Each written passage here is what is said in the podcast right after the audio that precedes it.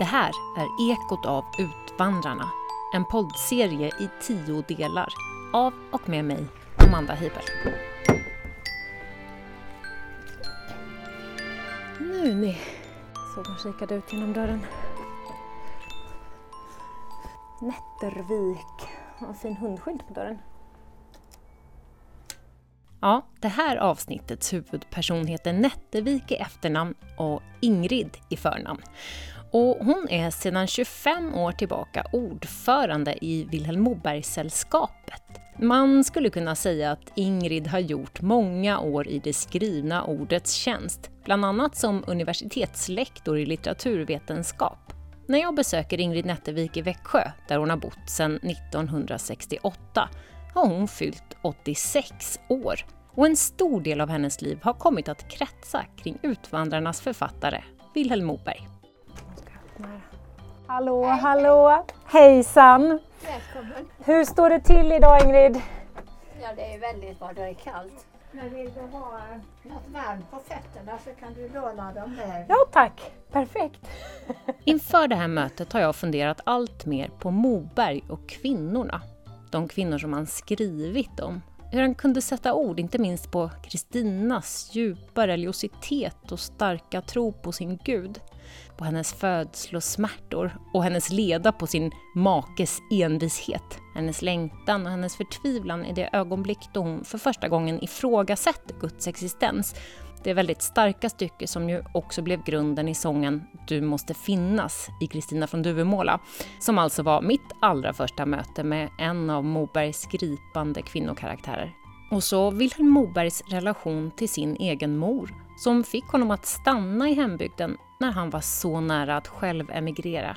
Hans mormor Johanna i Duvemåla, de många unga kvinnor som han genom livet fortsatt att visa en stark dragning till, hans döttrar och inte minst den kvinna som han i första hand kom att dela sitt liv med och som vi ska återkomma till om en stund. Men nu står jag utanför dörren hemma hos en av de kvinnor som idag kanske kan berätta allra mest om Moberg. Ja, jag, jag dricker svart. Du dricker svart. Men vill du ha mjölk? Nej, nej, jag dricker. Jag vill inte förstöra kaffet. Nej, exakt. Jag hämtar till oss så sätter vi igång. Du ser var den står. Ja. När jag fått tofflor på fötterna och hunnit förundras över att Ingrids hem är fullkomligen proppfullt av böcker, bokstavligen från golv till tak i vartenda rum, redan från hallen, bjudits på choklad, kaffe och engelska småkakor, då frågar jag Ingrid Nättervik vad som är hennes främsta tanke om Moberg. Att han har gett mig så oerhört fantastiskt mycket härlig läsning. Han är en sån strålande författare. Och jag läste, den första boken jag läste var Mans kvinna. Vi har den här på bordet, Ja. en utgåva. Ja, vi, för vi gjorde en, eh, ett, ett eh, nytryck och som medlemmarna i Vilhelm Moberg-sällskapet fick. Och eh, jag var eh, ja, 17 eller 18 år när jag läste den. Gick i gymnasiet i Alingsås. Och jag tänkte, åh vilken fantastisk roman. Den har ju liksom, dels så har han ju ett språk som är så lätt att, att eh, bli förtjust i. Och han berättar en historia med, med, med, med, så, med sån känsla och sånt engagemang och sån kunnighet. För när han skriver sina böcker, där, i nästan alla, det är bara ett, en eller två, så utspelar sig handlingen i Värens, i hans hembygd. Och han eh, växte ju upp där, han var ju tvungen att hjälpa sin pappa lite med jordbruket. Det var han inte så förtjust i. Han ville hellre sitta och läsa böcker. Men han kunde ju allt det där. Så, och eh, det finns ju den, den här handlingen i Mans kvinna utspelar sig på 1790-talet. Och eh, de är ju jordbrukare naturligtvis där också. Så att det, det är ju sånt. Och där är e, ett, avsnitt när, eh, när ett sår sin linåker som nygift då. Och sen gör hon sina första lakan utav dem och, eh, och så lägger hon dem på, på, till, på tork och så ser hon att grannen går liksom och, och Och ska han stjäla dem, tänker hon. Nej, men han bara går och smeker dem för att han är förälskad i henne. Och det blir så att när de har sitt första intima möte så är det de lakanen och bäddarna. Ja men det är sådana där... Eh, Mm, det är scener som man minns. Ja. Han i bakpå här så är ju citat från Moberg. Mans kvinna är den av mina romaner som jag själv sätter högst. Säger Moberg. 1950, att han själv satte den här högst. Och det var så när jag träffade honom. Jag träffade honom, eh, ska vi se, min son var tre år, 1962. För att jag hade skrivit en, eh, som det hette på den tiden, trebetygsuppsats, nu heter det 60 poängsuppsats, mm. om bakgrunden till romanen Utvandrarna. Och där är det en eh, brevväxling mellan Vilhelm Moberg och kapten Olof Traung som var intendent för Sjöfartsmuseet i Göteborg. Och där hade ju Vilhelm Moberg varit och studerat vad som fanns, tittat på. Det är en brigg som finns där som är förebilden för briggen Charlotta, Charlotta. till exempel. Ja. Han hade bitit i skeppskorparna, känt det. En sån där men lite hård. Men han eh, har väldigt hård. Men han visste ju ingenting om sjöfart. Så därför så skrev han mängder av brev till eh, kapten, kapten Ja, han var ju före detta sjökapten. Kapten Olof Trång på Sjöfartsmuseet i Göteborg. Och eh, fick svar. Och de där breven, jag visste ju att han hade varit på Sjöfartsmuseet. Och när jag arbetade då med förberedelse för den här uppsatsen så var jag där. Och då kom de och gav mig den här brevväxlingen. Ja, jag fick den ju inte men jag fick ju kopiera den. Så därför så jag har fortfarande den här brevväxlingen någonstans här. Otroligt! Mellan eh, de här två. De blev ju goda vänner och det är klart att eh, att Olof Trång fick ett signerat exemplar utav eh, Utvandrarna. Men det var... Jo, och sen eh, tyckte en litteraturprofessor i Lund du, var, du studerade i Lund när ja, du skrev ja, din uppsats? Ja, jag lissade då. Ja. Och jag hade velat lissa på Vilhelm Moberg men det sa den professorn som var min handledare, Staffan Björk, mm. att det var levande författare, han skulle påverka mig för mycket. Det skulle inte bli någon vetenskap av det. Du fick inte? Nej, jag fick inte det. Men i varje fall så hade jag ju skrivit den här trebetygsuppsatsen. Och den andra litteraturprofessorn Albert Worin, han var eh, engagerad i Svensk litteraturtidskrift och, och tyckte att eh, halva min uppsats, den som handlade om brevväxlingen, den skulle tryckas i Svensk litteraturtidskrift. Och eftersom jag då citerade brev så måste man ha tillstånd. Och eh, jag har för mig att Olof Trång inte var i livet men jag hade kontakt med hans änka och fick ju ja därifrån. Och så skrev jag ett brev till Vilhelm Moberg. Och eh, så en dag så ringde telefonen. Och jag vet att min treårige son var i badkaret när han drunknade. Nej, det gick bra. och, eh, och det var Vilhelm Moberg som undrade om jag ville komma. Han var, han var så deprimerad. Ja, Vilhelm Moberg hade vid den här tiden just skrivit pjäsen Sagoprinsen. Och redan innan den hade gått i tryck anklagades han för att försöka slå mynt av Florence Stevens, godsägaren på småländska Huseby bruk, känd som offer för de bedrägerier som kallats Husebyaffären, där Florence hamnade i händerna på rådgivare som vållade henne stor ekonomisk skada. Det här är en vida känd skandal som återberättats och på olika sätt på nytt aktualiserats även när det här spelas in. Men Moberg skrev alltså om den i ett drama redan tidigt 60-tal. Och de beskyllningar han fick utstå lär ha triggat en av hans många återkommande depressioner.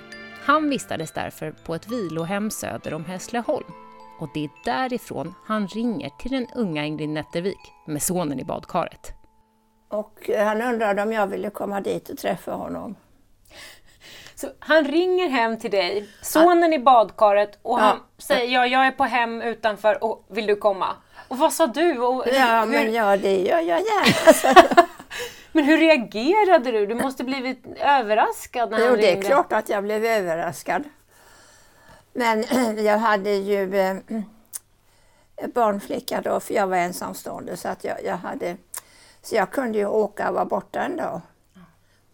Så jag tog tåget då till Hässleholm och eh, söderut till kan det, Hovdala, kan det heta. Har jag för mig. Ja. Och där mötte Vilhelm Moberg mig på stationen och det gick ju inte att ta miste på. Och det var ju bara jag som steg på tåget. Men minns du hur du kände dig när du skulle möta honom och han kom där? Och, hur kändes det? det var ju otroligt spännande. Alltså då en, en, en, min favoritförfattare. Ja, det är ju en sån här idol verkligen. Ja. Och eh, så gick vi då till det här stället där han bodde och jag var ju där eh, hela dagen stort sett. Och han, han bjöd på lunch och vi drack ju kaffe och jag satt i smyg och skrev på små papperslappar som jag hade tagit med mig. Då liksom för att vara säker på att jag skulle komma ihåg. Va, va, vad pratade ni om? Ja, ja, vi pratade om allt möjligt men, men han, sa- han sa bland annat ville han att jag skulle hjälpa honom att hitta en sekreterare. För han skulle skriva en ny bok. Och det var ju din stund på jorden. Och eh, det skulle vara en studentska ville han. Jaha, sa jag. Jag tänkte jag ska försöka. Så jag åkte ju hem då och sen pratade jag med några tjejer som jag kände sådär. Så skulle Vilhelm Moberg komma och träffa dem hemma hos mig. Och eh, så jag minns, jag mötte honom på stationen i Lund. Jag tänkte det är väl ingen som känner igen mig här när jag kommer med Vilhelm Moberg. Jag tyckte det var liksom lite... Nej, det vet jag inte. Var det, var det lite genant nästan eller, var- Ja, eller var du ja, jag stolt? tänkte Eller vad? Ja. Ja. Vilhelm Moberg var ju en man som man kände igen, tror jag, på den tiden också. Ja, det var ju eh, 62, så att han var ju eh, 63 år då. Ja. 64. Ja. Han var född 98. Ja. Och hade skrivit ju, men utva- efter utvandrareposet så var han ju liksom ett så stort Ja, namn. så, verkligen. En sån nationalförfattaren, verkligen. Mm. Ja, och så tog vi taxi hem till mig och eh, där var ju, var ju lunch förberedd så vi åt lunch där då och eh, Vad åt ni? Minns du? Ja, det var väl lite sill och sådär. Liksom. Jag, minns inte, så- men det var liksom sådär lite vanligt blandat. Och jag vet, jag har en gungstol som står där inne i mitt arbetsrum. Och den satt han i och så lyfte han upp min son Björn. Så han satt i knät på Vilhelm Moberg. Och jag tänkte, jag ska inte, skulle jag fotograferat men det gjorde jag alltså aldrig. Jag Kan, man kanske inte vill hålla på och ta fram kameran. Nej, och- nej, jag ville liksom inte så jag har inget foto på honom när han var där. Bara i minnet. Ja. Han har ju en son, eller hade. En, Björn. Ja. Som ju dog för, eh, förra året. Han är född 44 så att det var ju det yngsta utav fem barn. Sen var det ju fyra döttrar. Men i varje fall, och så sa han då att vi skulle åka till Dalby gästgivagård tyckte han på kvällen. Då kan vi väl åka häst och vagn. Så, det går inte, sa jag. Alltså vi åkte taxi till Dalby gästgivagård. Men han vill åka häst och vagn. Ja. Men det här var ju 60-talet. Ja, Han, vad tänkte han? jag vet inte. att det skulle vara lite märkligt. Det hade varit något det, åka häst och vagn på kvällen där med Moberg. Men det hade, ju, det hade ju inte gått att ordna dessutom. Nej. Nej. Och, men jag vet att det var där som jag pratade om mans kvinna, att det var det första jag läste och hur mycket jag tyckte om mans kvinna. Och då sa han ju också det att det var den romanen som han satte främst, ja. sina böcker. Och som och så, han hade skrivit, han hade haft ett kärleksförhållande med en gift kvinna. Mm. Och eh, när, när han skrev den här boken så skrev han den på sex veckor rätt upp och ner. Och utan att just ändra någonting annars mm. så har han ju skrivit om, jag menar Utvandrarna skrev han väl om Många år och bearbetning ja, hela ja, tiden. Och, och, och tre, fyra gånger ja, minst och ja. så med allihop, men inte mans kvinna. Den bara flöt ur honom på något vis? Den det bara kom och flödade? Ja, ja den bara flödade för att den här starka kärleksupplevelsen han hade haft. Och det här var ju 1933 som den kom ut. Och du, du fick chans att säga till honom att den boken var din första Moberg-upplevelse? Ja, och att, den var... var... att det var den som gjorde mig... Ja, oh, vad fint. Ja, sen så... Han bodde ju på Grand Hotel i Lund. Och eh, så ville han att vi skulle, ja, vi skulle åka hem. Och då så var det dans på Grand Hotel så att han eh, bjöd in mig där då och eh, första gången som jag åt ostron. Det var med Moberg? Ja. Och jag tycker inte om råa ostron. Fortfarande inte? Nej, nej, men jag visste ju inte att jag inte gjorde det då. Nej. Och jag, vi förmodar att vi drack champagne, men det kommer jag inte ihåg. Men, eh, ja, nej, men så var det. Så slutade den dagen. Men, det, men du med ostron, det var också hans idé då att ni skulle ha ostron, eller? Ja, det var han som ville ha det. Ja, han ville ha både häst och vagn och ostron. Och ja. Var påhittig, får man säga. Ja. ja. ja så att det var, eh, du, ja, det var Ingrid, detta med mans kvinna. Ingrid, vågade du säga då att du inte tyckte om ostron? Eller fick du låtsas? Nej, men var... jag visste ju inte att jag inte tyckte om dem. Nej, men, men du fick väl veta då när du smakade ja, att det inte ja, var något ja, gott? Nej, men jag åt ju upp dem förstås. Sen, jag eh, har inget emot ostron som är lagade i ugn. Ja. För det har jag ätit sedan, men jag tror inte att jag har ätit råa ostron sen. Bara en gång i livet och det var med Vilhelm Moberg. Ja. ja.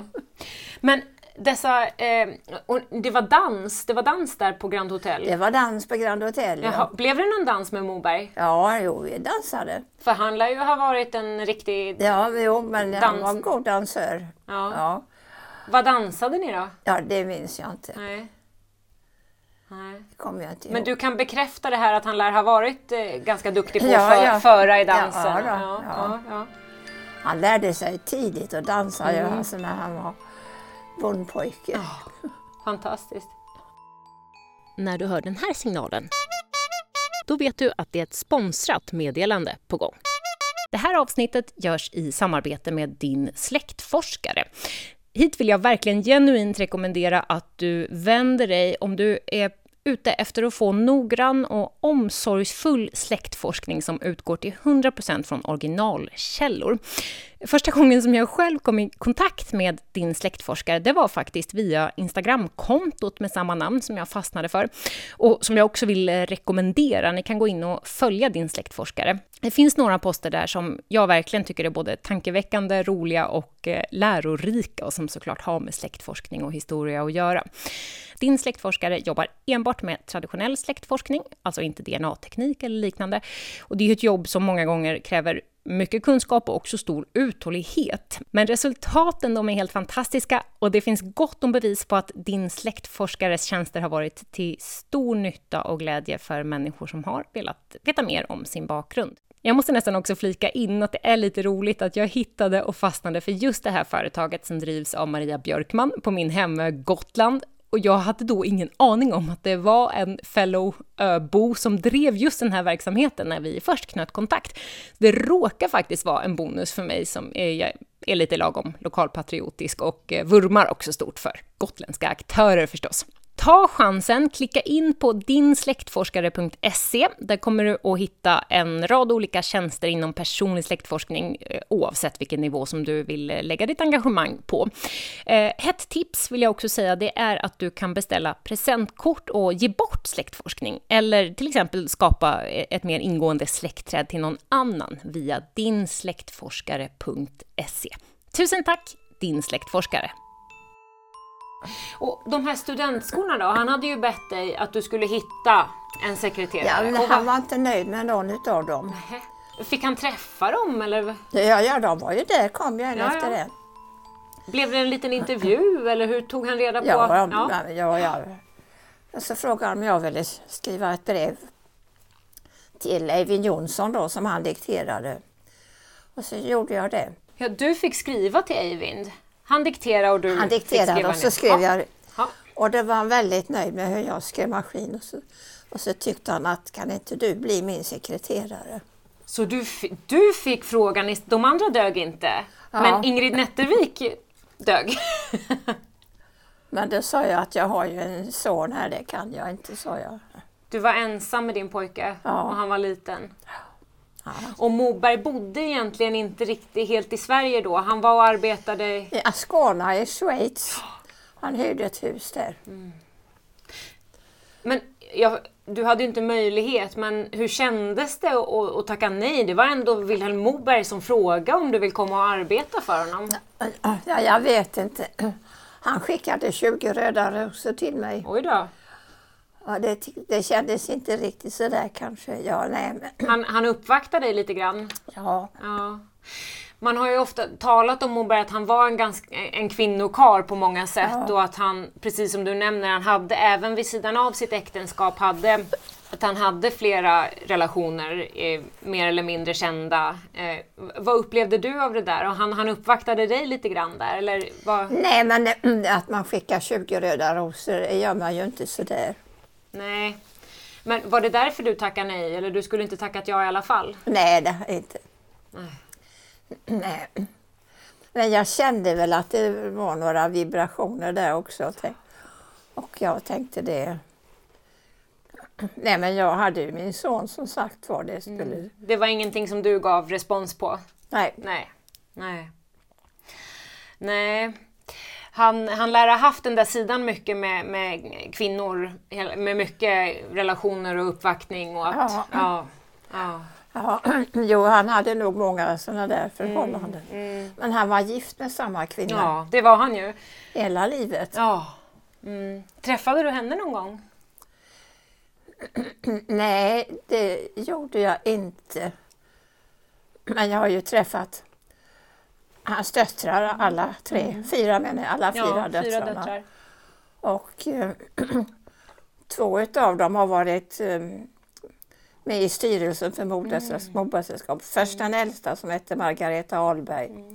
och sen nästa som hette Marianne Forsell. Precis. Så att, och särskilt Marianne Forsell hade jag ju mycket samarbete med. Men när du tänker idag, jag förstår, han kom med rosor och, och sen du hade sonen och det var inte aktuellt. Men vad tänker du idag? Nu, det är så länge sedan nu att han ändå frågade om du ville bli sekreterare. Det hade ju kanske varit en möjlighet i, ditt liv att jobba, jobba med, med Moberg som författare. Vad tänker du nu när du tänker tillbaka? Ja, men då hade jag ju inte blivit filosofie doktor Nej. i litteraturvetenskap. Och det kanske blev som det skulle bli.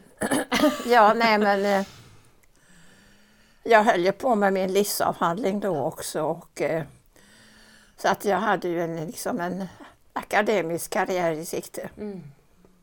Ja, för du har ju jobbat inom akademin och blivit lektor i litteraturvetenskap och du har varit verksam vid eh, högskolor och universitet och det som heter Linnéuniversitetet nu i Växjö har du arbetat också. Vilken roll hade Moberg för ditt val av yrkesbana? Att du, att du valde litteraturen och akademin? Jag, jag läste ju allt han hade skrivit, det gjorde jag ju. Och, eh, och jag, men jag insåg att det här var en väldigt stor författare. Och eh, jag var ju eh, lektor på Teknikum i Växjö en gymnasieskola här i stan i 20 år. Och eh, jag såg till att vi läste en roman utav Vilhelm Moberg i varje fall. Det kunde vara Rid i en natt till exempel eller Manskvinna. Ja, gärna den.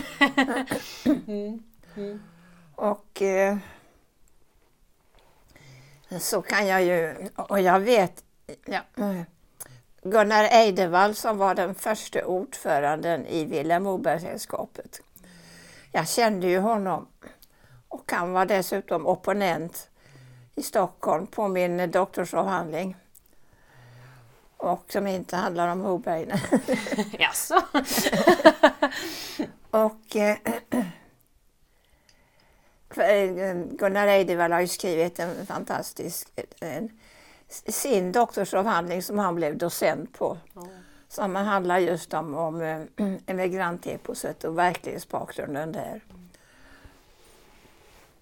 Och, eh, jag, eh, och sen var han ju gymnasieinspektör och jag stötte ju, ja, dels så träffade jag på honom i Lund ibland och dels så stötte jag ihop med honom ibland när jag var ute på föreläste och sådär på på skolor och lärare framför allt. Och jag vet att jag sa till honom, Gunnar du måste starta ett Mobergsällskap. Ett Mobergsällskap blev det. Och Ingrids engagemang i sällskapet är helt klart centralt. Ja, 89. Ja, jag, jag har varit ordförande 25 år. Ordförande och, innan det har du också varit aktiv, så det är ännu längre tid egentligen. Ja, det är ju... Det är snarare 35 år nästan snart, ja, inte riktigt. 33. 30, ja, 33 år, ja. Det är många år. Men berätta, vad gör ni i sällskapet? Ja, alltså vi, dels så försöker vi värva medlemmar och eh, ja, nu gör vi väl inte det så mycket aktivt längre. Nu är vi, men vi har varit över tusen. Men nu är vi 800. Mm. Det är ju folk dör och försvinner av... Man behöver fylla på lite underifrån. och eh, vi eh, har ju ett årsmöte varje år och det är bestämt att det ska vara så nära Vilhelm Mobergs födelsedag som möjligt. Mm. Det är den 20 augusti. Så det är alltid då i augusti. och eh, då har vi ju föreläsningar och, eh, och ibland delar vi ut eh, ett Mobergpris. Vi har inte gjort det varje år men vi delade ut ett år till Leif GW Persson faktiskt. vad hade han gjort då? Ja, då var han. vad, vad hade GW gjort då? Han, eh, vad hade han gjort för att förtjäna priset det året? Ja, det är ju detta med eh, alltså, det var en ledamot i styrelsen som föreslog honom. Mm. Det, det, är ju det här, han bekämpar ju också rättsröta och och att det var i den sidan av Vilhelm Moberg. Mm, I Mobergs anda. Ja, mm. ja, just det. Och jag brukar säga att Vilhelm Moberg han var romanförfattare, han var dramatiker och han var journalist hela livet faktiskt. Jo, men Leif GW var här och hade med sig sin förtjusande hustru och, och han var väldigt stolt över detta pris sa han och han uppskattade verkligen Vilhelm Moberg. Och förra året var det Janne Josefsson som fick pris. En annan riktig gammal räv. och han sa, han sa jag skrev brev till honom och så ringde han mig och så är det här ett skämt? Eller Nej, det är inget det är skämt. Det inte. Nej, han trodde inte riktigt på det. Nej. Men så, och han, han var ju, ja, han var ju så otroligt stolt. Han sa att Vilhelm Moberg hade, alltså som journalist hade han ju beundrat hela livet och så han var väldigt glad och tyvärr kunde jag inte vara med på det årsmötet för då hade jag precis fått en kotkompression. Ja, så du missade Janne Josefsson? Så jag missade Janne ja, Josefsson men jag hade ju flera telefonsamtal ja. med honom. Ni får ta igen, får, han får komma hem till dig nästa gång får ni ta kaffe. ja, ja nej, men det var ju eh, naturligtvis... eh, Ja. Och det drar ju mycket folk när det är sådana. Det är klart, de, sådana Så. namn. Sen 2005 arrangerar också Vilhelm Moberg-sällskapet ihop med Emmaboda kommun den årliga seminariedagen En dag med Moberg som vi kommer att komma tillbaka till. Och så var det det där med Moberg och teatern igen. Vilhelm Moberg var ju väldigt intresserad utav eh, det, det nya mediet radio och han har ju skrivit många radiopjäser. Och nästa år ska vi, som då det är 50 år sedan Vilhelm Moberg dog, då ska vi eh, ge ut tre otryckta radiopjäser av honom. Är det sant? Ja. Ska de också, då borde de ju kanske gå i, i radioteatern i Sveriges Radio också då? Ja, ja, ja, På nytt? Inte vet jag. Ja. Men jag vet att jag lyssnade på flera av hans Ja. pjäser i radio. För jag förstår att det var mycket så som han nådde ut och blev så folklig också Ja, ja, i, i hemmen Ja, via radion. ja, han skrev ju och, och eh, så, eh, och Sigvard Mårtensson har skrivit eh, en bok som heter Vilhelm Moberg och teatern. Och det var nummer tre i vår skriftserie. Den andra var ett omtryck utav Reid i natt. Som ju är en så aktuell roman med Ja. tanke på vad som sker nu. Med kriget. Ja. Absolut. Och den, den, den skrev ju Vilhelm Moberg för att han var ju så upprörd över det här med att nazisterna, tyskarna, hade gått in i Danmark och Norge och ockuperat. Och eh, det är ju så att eh, tyskarna kunde ju läsa och förstå svenska, några. Så den brändes på de tyska bokbålen. Och allt som Vilhelm Moberg skrev var sedan förbjuden läsning i, i Nazityskland. Ing- Jag tänkte även på, jag läste igen eh, nu förra veckan, Din stund på jorden, Ja, lite grann. Och då tänkte jag på, han eh, skriver om kärnvapenhotet mycket Ja. och det var Kubakrisen då. Men eh, det var också sån här aktuellt och de, det är flera karaktärer där, hon som är eh, mäklare där och, som, och en missus som driver ehm, ja, eh, eh, lilla affären där och de pratar varje dag om vad som står i pressen och att det är kärnvapenhotet. ja, ja, ja, ja men det är klart. Vilhelm Moberg var ju pacifist. Ja. Från barnsben så att säga. Och det var bara under andra världskriget som man sa att man måste stå det onda emot. Ja. Blir man anfallen med vapen så måste man försvara sig med vapen. Ungefär som diskussionen går nu om Ukraina, att även Sverige skickar vapen. Så Reid i natt skildrar Ja. som där handlingen utspelar sig på 1600-talet. Men när det var tydligt vad det egentligen handlade om. Och eh, i Danmark till exempel så läs, såldes boken under disk för det var ju förbjuden läsning i 35, 300, nej, nej, i 350 exemplar. Och då, den sprids sådär lite i hemlighet ut. Han fick brev från Norge också så den betydde mycket för danskar och norrmän. De här, eh, Fantastiskt. ja. Hur upplevde du Moberg som, som människa när ni möttes? Ja, du har berättat lite grann och han, han ville åka häst och vagn och ni beställde ostron. Men hur, hur var han? Nej, men han, det, han var väldigt lätt att prata med, men han pratade ju mest själv. Jag behövde inte säga så mycket. och han tyckte nog han tyckte nog det var roligt. Jag var ju bara ska vi se, tre, fem, 28 år. Nej, 26 år var jag. Men alltså jag var ju ung och eh, det, han tyckte nog det var lockande med unga Ja, och så att du var så intresserad och du hade skrivit och uppsatsen och du hade engagerat dig mycket.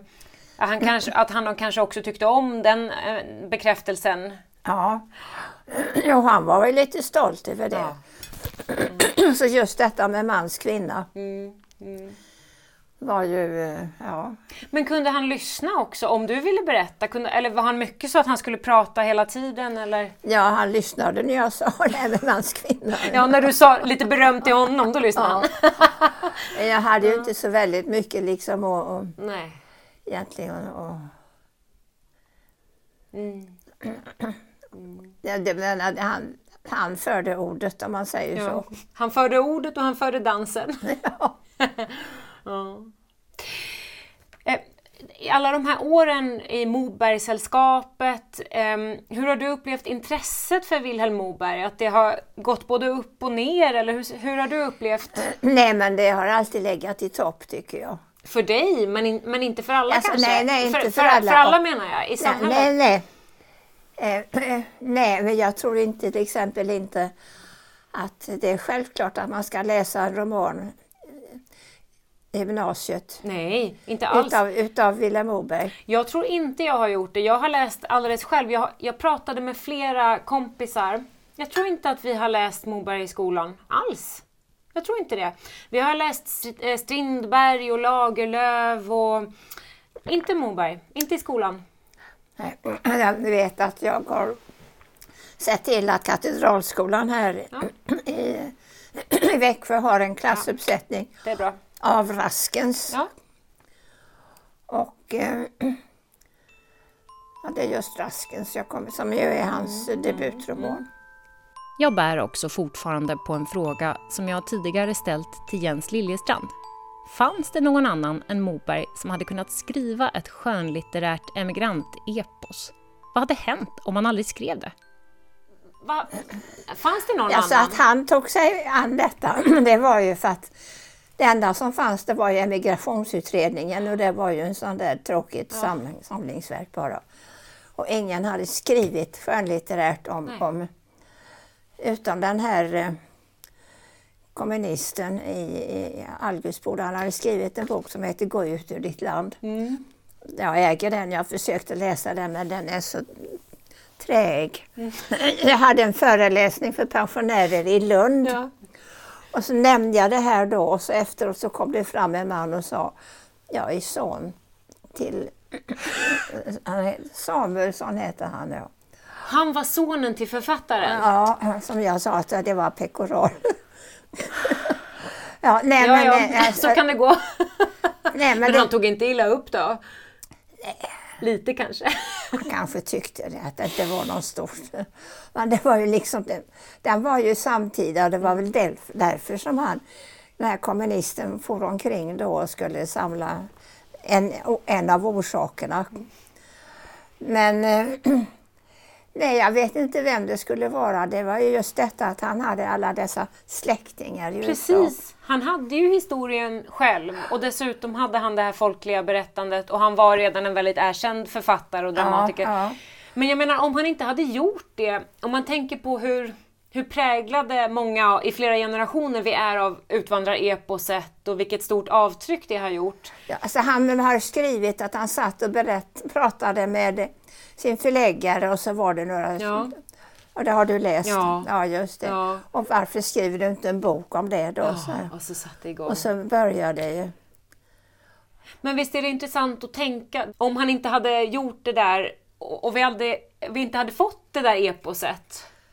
Ja, Förstår kan, du? Vad, vad hade, det- ja, det kanske hade blivit något annat, men, men vem? Jag vet Jag inte. vet inte. Sven Delblanc kanske.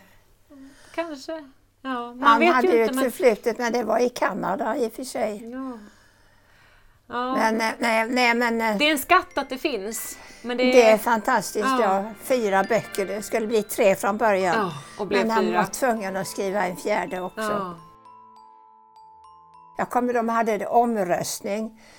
Det, först var det biblioteken som röstade på hösten om vad som skulle bli 1900-talets svenska roman. Mm. Och då blev det Utvandrarna. Och sen hade Röda rummet. Där hade de också då, där Horace Engdahl satt och var Mm. någon slags ledare. Och, eh, och då tänkte jag, åh, tänk om det blir något annat. Nej, men det blev fortfarande Utvandrarna utav Vilhelm Moberg. Och då säger Horace Engdahl, ja det är ju inte precis vad vi intellektuella skulle ha valt. Sa han så? Ja, det sa han Vi intellektuella. i tv. Vad tänkte du då? Jag tänkte han är en snobb. Ja.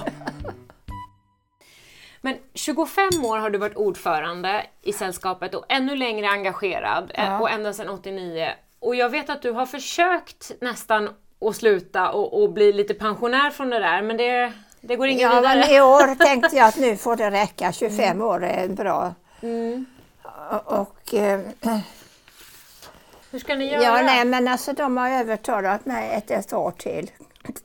Ja, nej men, så du, men ska du sitta då ända tills ni hittar någon som ska... Ja, alltså, vi har ju en valberedning men eh, Ja, de får kämpa på. ja, för att alltså jag, jag, eh, jag, har ju fyllt 86, alltså det man ska inte... Nej. Jag tyckte att nu har de sett mig tillräckligt länge. Nej, det tycker inte de. De vill ha mer.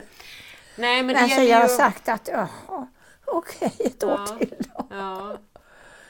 Ja, Mm. ja, vi får se då. Men du, nu tänker du igen att nu är det sista året? ja, men det får det verkligen bli Ja, nu sista får det bli. året. Ja, nu får de fixa någon som kan Ja. ta över där. Mm. Ja, Det behövs lite nya idéer och sådär. Och, och, eh, Men vilka insatser i så många år att vara där alla de här trycken, alla seminarier, att föra vidare de här berättelserna och hålla vid liv intresset och kunskapen. Det är ju en Ja. otrolig insats. ja, nej, men det har ju varit roligt att arbeta med Vilhelm Moberg. Det är klart att, att det har varit. Men eh, Ja, när du tänker nu, jag menar du börjar mans kvinna, du var du bara 17 år, du började läsa och du Ja. skrev eh, trebetygsuppsats och du mötte Moberg och det blev Mobergsällskapet i så många år. Vad tänker du nu om att det har blivit en, en så pass stor del av ditt liv? ja, det är lite konstigt. men eh, ja, det var väl det var ju många år som, som Moberg inte var så aktuell. Jag skrev ju min doktorsavhandling om Per-Gunnar Evander som ju eh, tyckte att Moberg var en bra författare men det finns ju inte så mycket. Nej men jag fick ju inte göra det och jag fick ju inte skriva min livsavhandling om Vilhelm Moberg. Men det hade du, du hade inte kunnat gissa när du var 17 år att du Nej, skulle jag- sitta här 86 år fyllda och ha jobbat med Moberg Nej jättemycket? absolut inte. Nej. Mer än att jag ju, var- mitt intresse väcktes och att jag då läste efterhand sedan som eh, det, det som han skrev. Och eh, jag läste ju naturligtvis utvandrar, Utvandrarna och invandrarna kom 52. 54 tog jag studenten. Så då har jag i varje fall läst eh, Nej, men de läste jag sen. De läste jag inte då medan jag gick i skolan. Jag vet, du berättar ju hur mycket mans kvinna, att den har betytt så mycket och naturligtvis utvandrareposet. Eh, Men jag vet att du också har talat om din stund på jorden. Vad betyder den för dig? Jo, men det, har, det är en roman som jag har läst eh, om flera gånger. Jag har nog läst den fyra, fem gånger. Och, och den är fortfarande varje gång så säger jag att det här är den bästa romanen han har skrivit. Det är ett bokmärke. Den här är vacker, jag älskar det citatet. Ja, Ta vara på ditt liv för nu är det du din kan få det. Får jag det? Ja. Tack. Det är sån här rena julafton för mig här. Mm. Men du, du bor ju i princip i ett bibliotek. Ja, ja. Det är ju runt omkring oss här, det är ju från golv till tak, det är ju Ja, böcker i det- vartenda rum, ända in i, i Det köket. finns i källaren och där uppe också. Hur, må, hur många böcker äger du egentligen? Ja, För det här är mer inte. än på Almedalsbiblioteket Jag har ju skrivit nästan. läroböcker Ja. för eh, litteraturhistoria för gymnasiet. Mm. Eh, Delar utav då. Och jag har skrivit en bok som heter I barnbokens värld som handlar om barnlitteratur, barnlitteraturens historia. Det, det betyder ju att jag skaffade mig väldigt mycket barnlitteratur. Jag såg Tomtebobarnen av Beskow på vägen in. Den låg i din hall. Elsa Beskow. Ja. Ja, ja, just det, den ska jag ge till en granne som har barnbarn. Aha. Eh, vad var din senaste läsupplevelse? Läs, har du någon?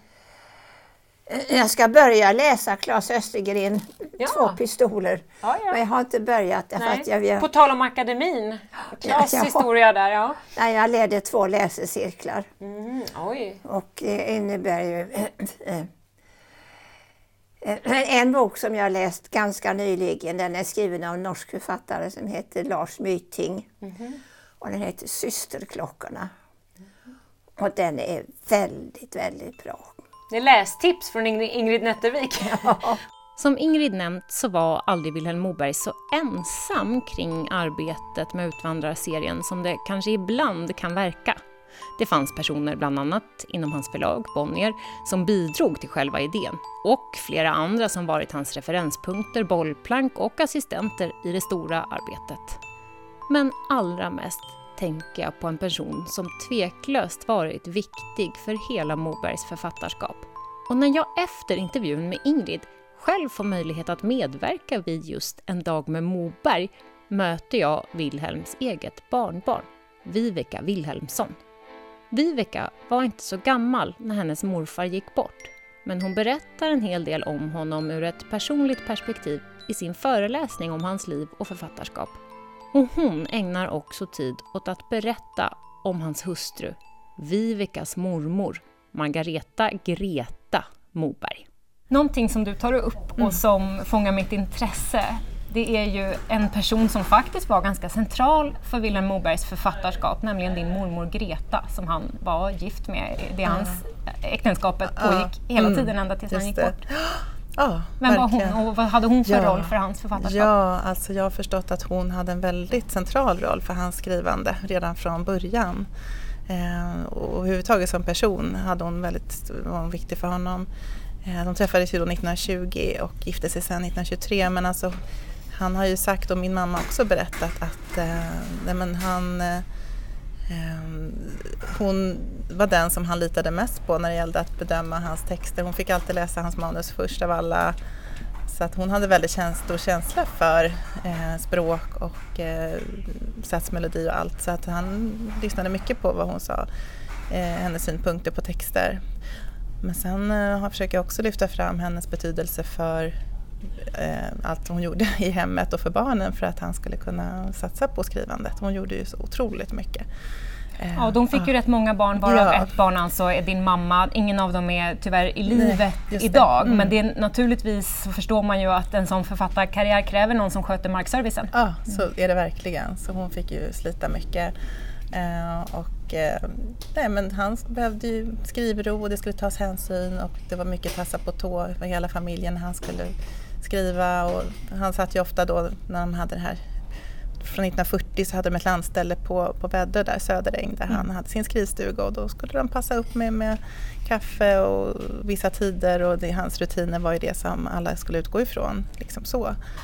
Men, eh, så att, eh, nej, men hon har ju gjort väldigt mycket och hon, förutom att hon då sydde alla kläder till alla fem barnen, hon eh, skötte allt med hemmet och eh, men hon lagade också fantastisk mat så hon skötte ju, det var mycket socialt umgänge som krävdes sen också när, från 50-talet tror jag framförallt och framåt.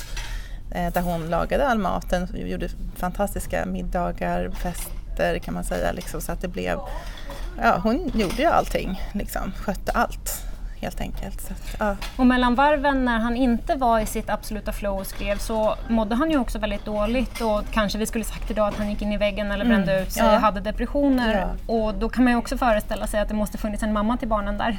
Exakt, precis. Nej, men han mådde tidvis väldigt dåligt i sina depressioner och utmattning som vi nog kan kalla det i, dag, dagens eh, vokabulär så att säga. Så, nej, hon fick nog ta, ja, hon var ju väldigt mentalt stark, det intygade också min mamma. Jag, jag minns ju henne, hon dog ju 1988 tror jag det var. Så henne fick du ha lite längre då än ja, vad du hade morfar så var det. Moberg. Ja men precis, hon var en väldigt stark person. Alltså hon, eh, ja, men, men hon var också väldigt konstnärlig själv. Alltså hon hade ju talang, hon målade mycket och sådär men jag tror att hon där kan jag känna lite så här, sorg att hon inte fick utveckla sina konstnärliga talanger. Det fick ju hon ge avkall på väldigt tidigt. Så, men hon var intellektuell och det tror jag att de hade ett, också ett eh, intellektuellt utbyte med varandra tror jag var viktigt också. Men sen var det ju Eh, någon otrohetsaffär där också som, tror jag, det vet ju inte jag, men det, jag är nästan helt säker på att hon mådde väldigt dåligt av det. Jag tror säkert att hon visste om det och så, så att sånt måste ju också ja, ha Det varit finns ju för, för henne. eftervärlden dokumenterat Ja, att, exakt. att affärer Ja. förekom Ja. och det kan man ju Mm. föreställa sig. Det kan ju vara väldigt tufft i en relation. Mm, precis. Mm. Väldigt i korthet bara, eh, er släkt är ju starkt präglad av emigrationen och det har det handlat mycket om i den här serien också men du har själv tagit upp kontakten med släktingar. Det är ju bland annat dina sysslingar då Ja, som exakt. finns i Amerika. Ja, just det. Hur har det är- varit för dig? Jo men det är jättehäftigt. Det var, började med att en av dem tog kontakt med mig och mina kusiner här för ett antal år sedan, här nu 2000, jag tror det var 16, 17 någon gång, första gången. Eh, kom de, eller han och hans familj kom hit och hälsade på. Och så bestämde vi då så att säga att jag skulle åka dit någon gång och det gjorde jag då 2019. Eh, och då hade de ordnat en jättestor family reunion där i Minnesota, i Minneapolis. Liksom, med massor med sysslingar och alla deras barn och barnbarn. Och, eh, det var jätte, jättehäftigt, jätteroligt. Och så jag har också då passat på att rest runt också i morfars fotspår lite grann också. Vad betyder hela den här familjehistorien för dig?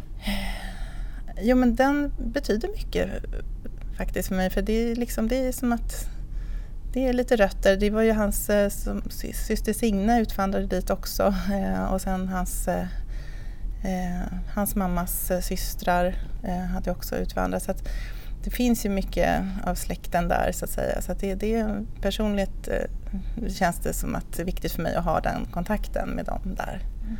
Eh, Mm.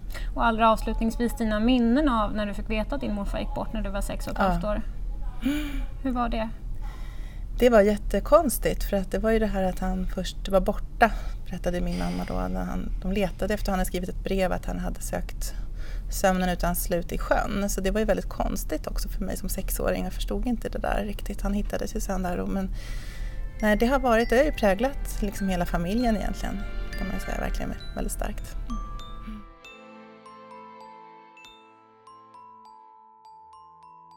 Ingrid, innan vi stänger av inspelningen, kan inte du läsa det här vackra citatet från bokmärket ifrån din stund på jorden? Ja, vi skulle ju göra ett bokmärke tänkte vi och då valde vi, som är ett citat ur din stund, ta, ta vara på ditt liv för nu är det din stund på jorden. Det är ju lite längre i verkligheten i romanen men det är Ta vara på ditt liv, akta det väl, Ja. kasta inte bort det, det. Ja, för nu är det din stund på Ja, jorden. det är riktigt. Men det får inte plats på ett bokmärke. nej det hade det inte varit för vi gjorde ta vara på ditt liv för nu är det din stund på jorden. Och det är ju så sant. Det är så bra formulerat. Alltså det, det är en fantastisk roman. Vad, vad vill du göra med resten av din stund på jorden, Ingrid? Ja. Läsa mer böcker.